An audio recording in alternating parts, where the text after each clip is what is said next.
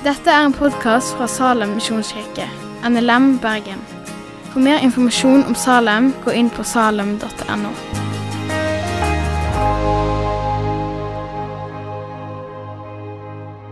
skal vi starte med å be i lag. Herre Far, takk for at du alltid går ved vi side. Du vil alltid være nær. Herre, la det få være det vi erfarer og tror på i Salem. At du alltid er her. Og når vi ikke erfarer det, så hjelp oss til å sette vår lit til ditt ord. At du går med oss. Du er Immanuel, Gud med oss. I dødsskyggens dal eller på gledens topp. Herre, vi ber om at du kan gi oss ord i talen nå. Jeg ber om at du kan skape hjerter som er god såjord, der ditt ord kan få vokse og bli mangfoldig. For å skape liv og skape tro. Ber om Jesus i ditt navn. Amen. I søndagens tekst så er Paulus kommet til Aten på sin andre misjonsreise. Og jeg er litt høyere enn de som synger, men det vil ikke notestativet ha noe av. Eh, han, Paulus blir rysta når han kommer til Aten over å se at det er så mange avgudsoffer, en avgudsalter i byen. Og Så går han i synagogen og snakker med de som er søkende, de som er gudfryktige. står det. Og så går han på torget og snakker med de sekulære, de som ikke kommer i kirke. De oppsøker Paulus på torget for å snakke med dem. Og Dette vakte oppsikt hos filosofene i Hellas, i Aten. Så de tar Paulus med seg til Areopagoshøyden, der filosofene er samla. Og Der hopper vi inn i teksten. Og Jeg kommer til å lese teksten, men stoppe litt underveis, så vi skal slippe å reise oss eh, og stå hele talen. Eh, men jeg leser litt og litt av søndagens tekst, og så stopper vi litt opp for å hente inn og se hva er det som skjer. Da sto Paulus fram for Areopagos-rådet og sa.: Atenske menn, jeg ser at dere på alle måter er svært religiøse. For da jeg gikk omkring og så på helligdommen deres, fant jeg et alter med denne innskriften. For en ukjent Gud. Det som dere tilber uten å kjenne, det forkynner jeg dere. For å sikre seg i Aten så var det noen som hadde laget et alter for en ukjent gud. Tenk om det var noen guder de ikke skulle be for. Og Paulus anerkjenner dem, så sier han dere er søkende. Bra. Dere søker Gud. Bra. Han nærmest gratulerer dem. Men så sier han dere har ikke alt. Dere tilber en gud som dere ikke kjenner, men som dere aner. Dere har et alter for en ukjent gud, akkurat som det er noe i dere som, som reflekterer at det er noe vi ikke helt får grep på med alle de andre avgudene. Og Så sier Paulus han forkynner jeg dere. For oss i dag, så, Hvis vi skal sette oss inn i den teksten, så handler det kanskje mer om å peke på den guden som folk i Norge ikke kjenner. Eller kanskje det ikke handler om det, men å peke på at mennesker i det hele tatt tilber. Og, lære, og på en måte formidle til dem at du tilber egentlig noe, uansett om du er kristen eller ikke. Bob Dylan en av våre store filosofer i nåtiden. Eh, han sier Indeed, you're gonna have to serve somebody. Du må tjene noen. Vel, Det kan være djevelen og det kan være Herren, men du må tjene noen. Det er populærkulturen som sier. Og Tim Keller, eh, en stor forkynner i New York som lever blant sekulære mennesker, og som forkynner for deg i New York, han sier det Every person, religious or not, is worshipping something to get their worth. Hver person, religiøs eller ikke, tilber noe for å få verdi. Og Kanskje ville Paulus i dag ikke gått i Bergen og sett etter avgudsoffer eller avgudsalter, men ville spurt mennesker i, på Torgallmenningen hva er det som gir deg verdi. Hva er det som gir deg lykke? Hva definerer din lykke? Hva definerer din mening med livet og identitet? Fordi i dag, i 2019, så er våre avguder det er det som gir oss trygghet og identitet. Der vi søker for å definere vår verdi. Og alle mennesker har noe sånt. Kristent eller ikke, religiøst eller ikke. Alle mennesker har noe som de lar definere sin verdi. Jeg er verdifull fordi jeg er frisk. Det er det noen som mener. Men hva da når du blir syk, eller når ulykken rammer? Jeg er verdifull fordi jeg er rik, jeg kan bidra mye. Men hva, hva skjer når økonomien krasjer? Jeg er verdifull fordi jeg gjør en viktig jobb. Ja, men hva når du blir ufør, eller når du mister jobben? Jeg er verdifull fordi jeg er pen, jeg er vellykka, jeg ser ut som idealet. Ja, men hva med alderdommen? Eller hva hvis en ulykke skulle skje? En avgud det er noe som blir mer viktig for deg enn Gud når du skal definere din lykke, og din identitet og din mening med livet. Alle mennesker tilber noe. Paulus ser alteret til en ukjent gud. og Kanskje er dagens ekvivalent at vi søker håp om at vi har ting og noe vi gjør, handlinger som skal gi oss verdi og hvile og trygghet og mening og helhet. Det vi tilber og investerer våre liv i. For er det ikke sånn at et menneske har et tomrom i livet som det jager etter å fylle opp? En ukjent gud som det ønsker å fylle med. De mest åpenbare avgudene i dag det er penger, sex og makt.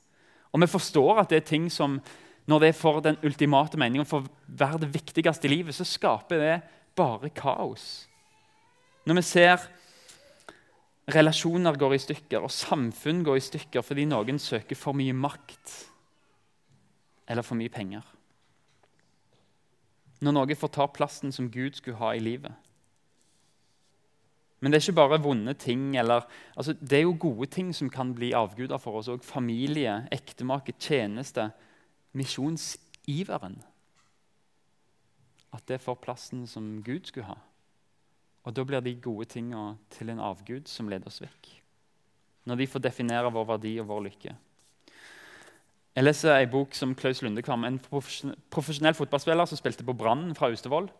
Han fikk absolutt alt i verden.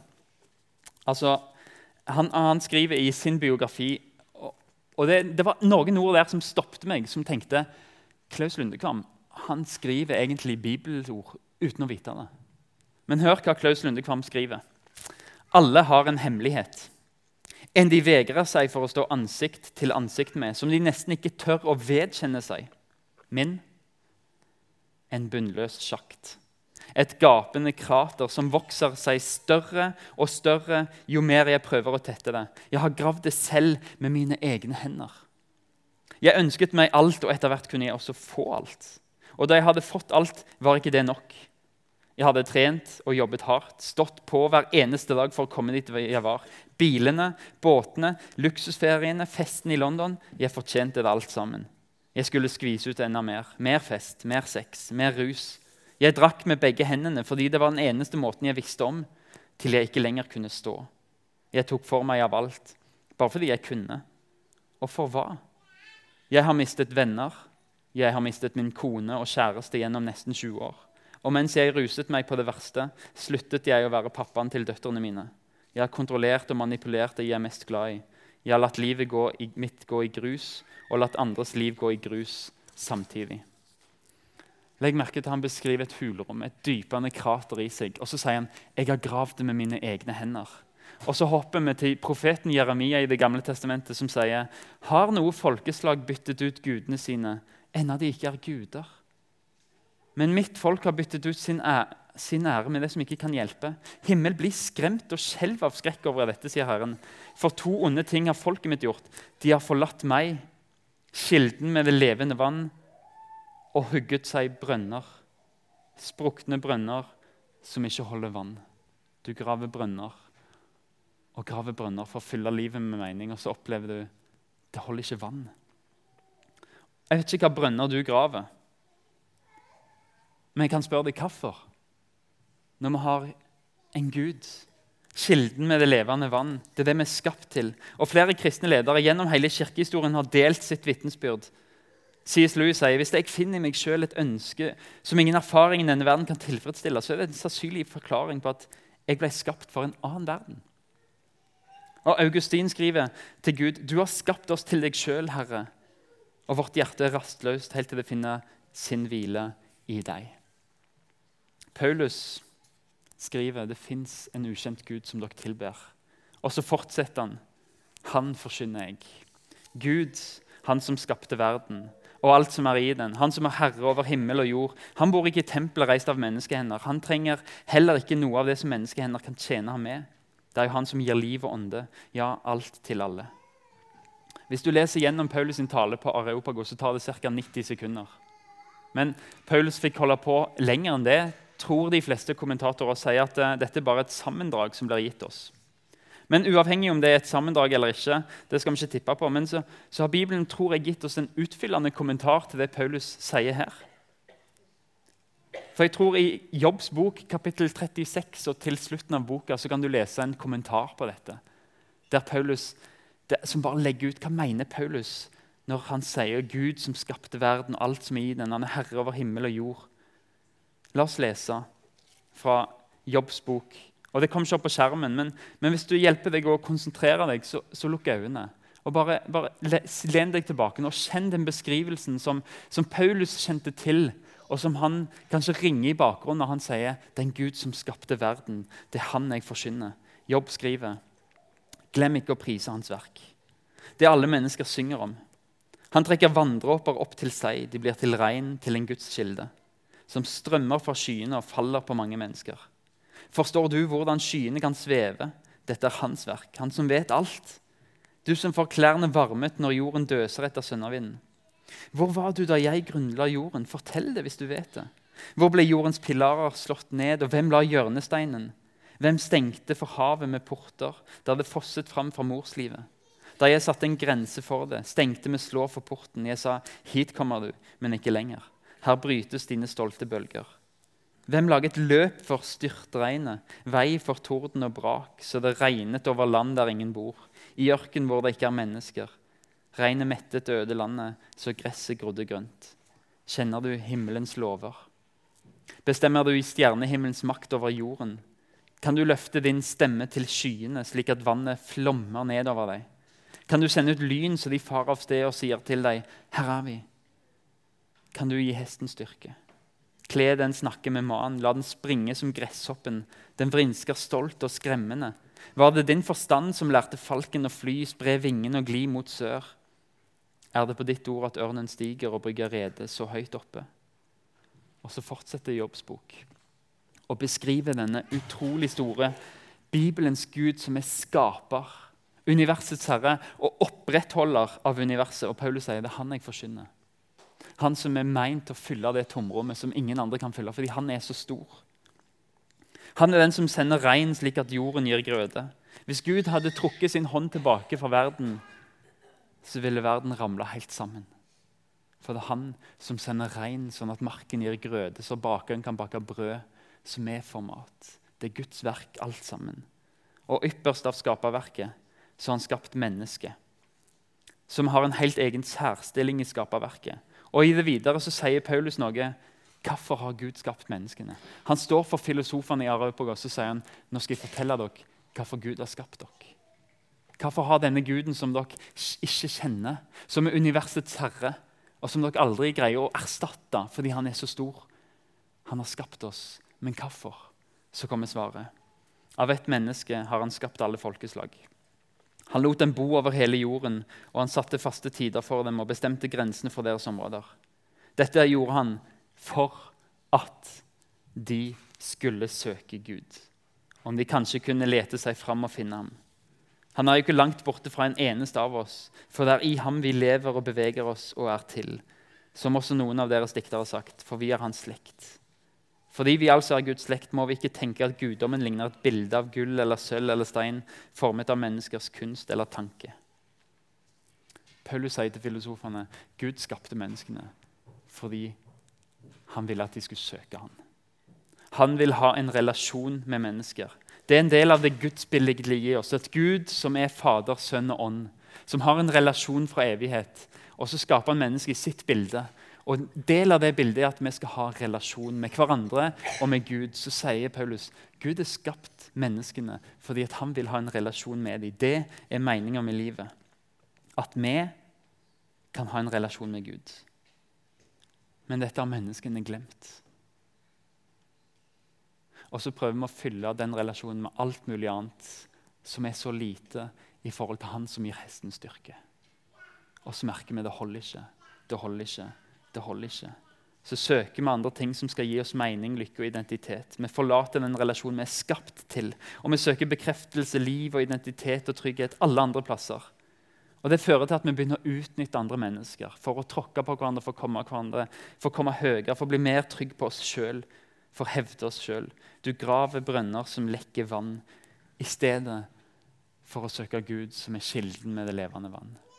Og Paulus fortsetter. Disse tidene med uvitenhet har Gud båret over med. Men nå befaler han alle mennesker, hvor de enn er, at de må vende om. For han har fastsatt en dag da han skal dømme verden med rettferd. Ved én mann har han utpekt til dette. Det han bekrefter for alle mennesker ved å reise han opp fra de døde. Det står at Gud til nå har båret over med menneskens valg. Fordi Gud vil at alle mennesker skal bli frelst, så hadde han en plan å sende Jesus. Og så sier Paulus, men nå befaler han deg i dag. Hvis du kjenner at det er noe i deg som sier dette må du få tak i, så sier Paulus nå befaler Gud deg om å vende om. Om å gå en annen vei og følge Gud. Og tenke annerledes, til å ha en ny retning i livet, til å gå Guds vei. Og Så spør vi ja, men hvorfor skal vi omvende oss. Og Så svarer Paulus jo fordi Gud har fastsatt en dag der han skal dømme verden med rettferdighet. For en som ikke kjenner Bibelens Gud, så kan det gi frysninger på ryggen. Ok, Nå er de kristne, nå begynner de å snakke om dom igjen. Men heng meg. For du kan tenke, du kan, når, du hører om Guds dom, så er det to ting som kan skje. Enten tenker du nei, skal Gud dømme meg ved meg? Det er ute med meg. For jeg, jeg har ikke søkt Gud. Hvis han skal dømme, så, så, blir jeg skyldig. Hvis du tenker sånn, så er det Den hellige ånd og Gud som jobber i deg. En annen måte å reagere på det er å si ved deg, Kristian, som sier at Gud skal dømme meg. Hvem er du til å si det? Og du kan kjenne et sinne når vi snakker om dom, Guds dom, Guds endelige dom at han skal komme med rettferdighet og dømme folk. Men begge de to reaksjonene er egentlig en refleks på at du er en tom brønn som ikke kan stå i, bønn, i dommen. Profeten Jesaja opplever å møte den hellige Gud. Hans reaksjon er 'Ved meg'. Det er ute med meg. Når han ser en hellig Gud sitte på tronen i tempelet, og han får se Gud første, hans første reaksjon er å sammenligne seg med Gud og si at 'jeg er ikke god nok'. Jeg mangler hans herlighet. Og med den målestokken så er det ute med meg når jeg treffer Gud, for han er hellig. Ved meg det er ute med meg, for jeg er en mann med ureine lepper. Jeg bor blant et folk med ureine lepper. Og mine øyne har sett kongen, Herren over haskarene. Det beskriver en frykt for Gud som er hellig, og som skal dømme. Det er ute med meg og Det er ikke rart mennesket forakter en dømmende Gud, fordi en vet kanskje dypest inne at en er skyldig. Det angår i høyeste grad deg at Gud skal dømme verden. Og det vekker en reaksjon, enten i skyld eller i sinne og motstand.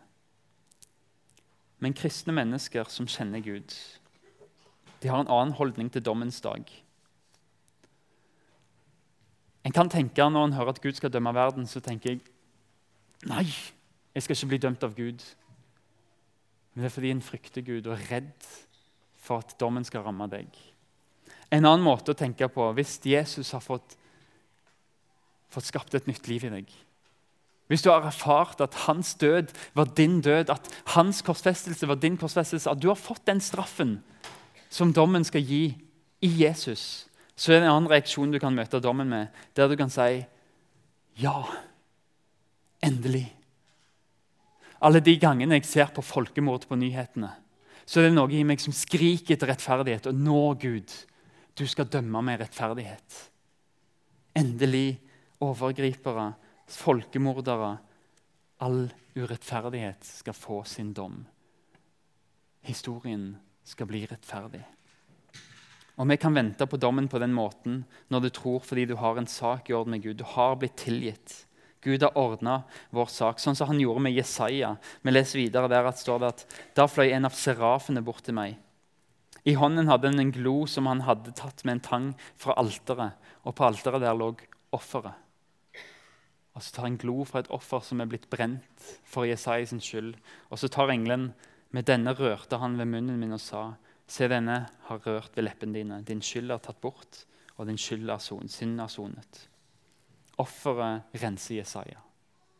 Det dyret som måtte dø og bli brent på et alter, det renste Jesaja. Og sånn er det med oss òg. Jesus som døde på korset, det renser oss. Vi får det tilgivelse med Jesu offer. Død og knust for våre misgjerninger. Og når vi er rensa sånn, så kommer det et nytt kapittel i livet. Når Jesus har fått lede oss inn til relasjon med seg sjøl og fått vist oss at vår verdi er i Han, at vår tilgivelse, vårt håp og vår frelse er i Han, så kommer det et nytt kapittel i en kristen sitt liv. Gud er ikke ferdig med oss, men han sender oss. Da hørte jeg Herrens røst, og han sa, 'Hvem skal jeg sende, og hvem vil gå for oss?' Og Jesaja, som har erfart et nytt liv i møte med en hellig Gud, han svarer, 'Jeg Send meg. Dette må andre få. Gud gir oss et nytt liv. Det innebærer en ny retning der vi er vendt mot Gud og vandrer i hans vilje. Alle mennesker skal ha en relasjon til han, kilden med det levende vann. Det er Guds vilje. Han vil ikke at du skal grave dype brønner. Han vil ikke at du skal gå med skam og tomhet, men han vil fylle deg med kjærlighet og glede og tilgivelse. og så vil han sende deg. Men for mange kristne likevel så er den sendelsen blitt nedgradert. Vi kjenner at ja, jeg er tilgitt og jeg er frelst, og det er bare Jesus sitt verk. Men det vekker ikke en misjonsvarme i meg. Jeg er blitt kald. Før så kunne jeg be inderlig for de unådde. Men den misjonsiveren er skjølna. Og kanskje er det fordi du begynte å fylle din brønn med nettopp din gjerning. At du ga penger. At du bar så mye for utsendinger. Og kanskje opplevde du at misjonsiveren ble en gjerning og ikke ei frukt av relasjon med Jesus. Du som har mista misjonsiveren, der givertjeneste er blitt en vane, der bønnen om å drive arbeidere ut til Herrens høst har stilna helt. Herren vil ha deg inn igjen til sitt hjerte. Og Der vil han lære deg hans pulslag. Og vise deg hans hjerte, ikke ditt hjerte. Sånn at ditt hjerte kan begynne å slå synkront med han. Det vil gi en nød for alle menneskene som fortsatt graver egne graver og graver egne brønner. Og så vil han ha deg opp på fanget, og så vil han lære deg sin nød. Han vil lære deg at du er rensa, og han vil spørre deg vil du gå for meg. Og så vil han gi deg sin misjonsiver igjen. Og så spør han kan du vise andre mennesker veien til den hvilen som jeg vil gi deg. Hvordan ser dette ut i Salem da? i 2019? Det er noen forskningsgrupper som heter Barna Group og Alpha International. De har forska litt på hvordan funker evangelisering i 2019. Hva er det beste jordsmonnet for evangelisering. For at kristne skal nå ut med sin tro, hva er det beste måten å gjøre det på? Og De har kommet fram til med mye forskning, en veldig enkel konklusjon der de sier den beste måten for evangelisering i denne generasjonen det er relasjonelle, oppmerksomme og ydmyke tilnærminger. Der gjestfrihet og sjenerøsitet gjør evangeliseringen mye mer effektiv. Sjenerøsitet og gjestfrihet. I Salem så ser det ut som alfakurs. I vår så har vi hatt alfakurs, elleve kvelder med kvelds med en tale, en kort tale med intro til samtale og samtalegrupper. Der alt er lov, alle spørsmål, ingen er feil. Det er ingen som gir deg en korreks, det er ingen regning som sendes på maten. Det er ingen som maser deg og sier nå må du komme neste gang. Vi har en god erfaring fra den gjestfriheten. Der folk som kom på kurset, sa kan vi få betale, for vi erfarer å bli tatt så godt imot her. Kan vi få betale for å være her? Og der var responsen nei. Du er velkommen til vårt hus, for vi vil gi deg det beste. Vi fikk 19 evalueringer, og på de 19 evalueringene så var det kristne som hadde slitt med tvil, som hadde funnet ny frimodighet i troen. Det var mange som hadde fått nye venner i Salem, et sterkere fellesskap. Det var ei som hadde døpt seg i løpet av tida. Ikke i Salem, men hører til i en annen menighet, som valgte å døpe seg. Og Hun sa sjøl jeg er helt nyforelska i Jesus. Vi har tre ikke-kristne som skriver at de har lært mye og fått en ny respekt for kristne. En av dem sier 'jeg føler meg mer elska'. Og Nesten alle deltakerne vil ha et nytt alfakurs så snart som de kunne i Salem, sånn at de kunne invitere med seg venner. Og Vi har lyst til å gjøre det til virkelighet og ha et nytt alfakurs. Men vi trenger å si hvem vil gå for oss? Hvem vil være de som har det alfakurset, som er leder, og som er sjenerøs og åpen, sier kom, kom med alle dine spørsmål, kom med alle dine meninger. Vi snakker om det. Kom og lær om det. Vi trenger ledere til alfakurset. Og det er mulighet til å være med. Vi trenger at menigheten inviterer, og vi trenger at menigheten ber for noe. Hvis du tenker at du har lyst til å være med, så fyll ut et tjenestekort bak der etterpå.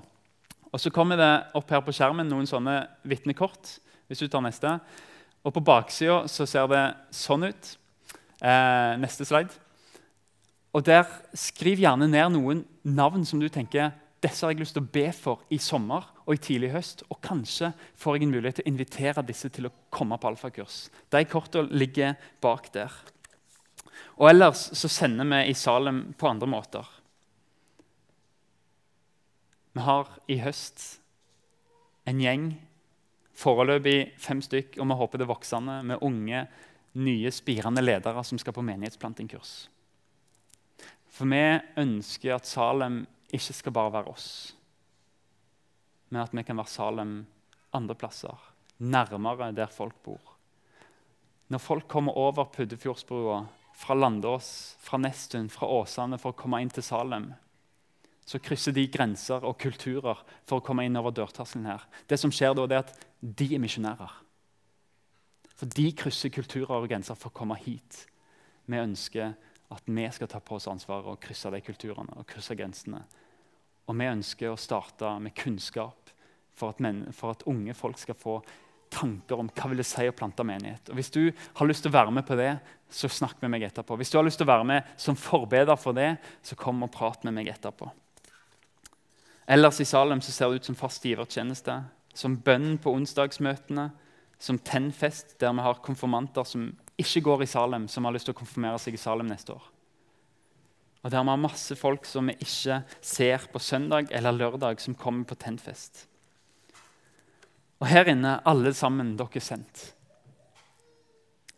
Men det er forskjellige måter å implementere det. Kanskje skal noen være med på alfa. Kanskje skal noen nå ut til naboen med en gjestfri hånd og si 'velkommen inn til oss'. Ta en kopp kaffe. Velkommen på fiskepinner. Det trenger ikke være avansert. Spørsmålet er ikke om du vil være sendt, eller om du er sendt. For det er du. Men spørsmålet er hvordan er du sendt. Det kan være en samtale for bibelgruppa di eller for kirkekaffe. Takk for at du har hørt på podkasten fra Salem, Bergen. I Salem vil vi vinne, bevare, utruste og sende til Guds ære. Vi ønsker å se mennesker finne fellesskap, møte Jesus og bli disippelgjort her i Bergen og i resten av verden. Vil du vite mer om oss, gå inn på salem.no.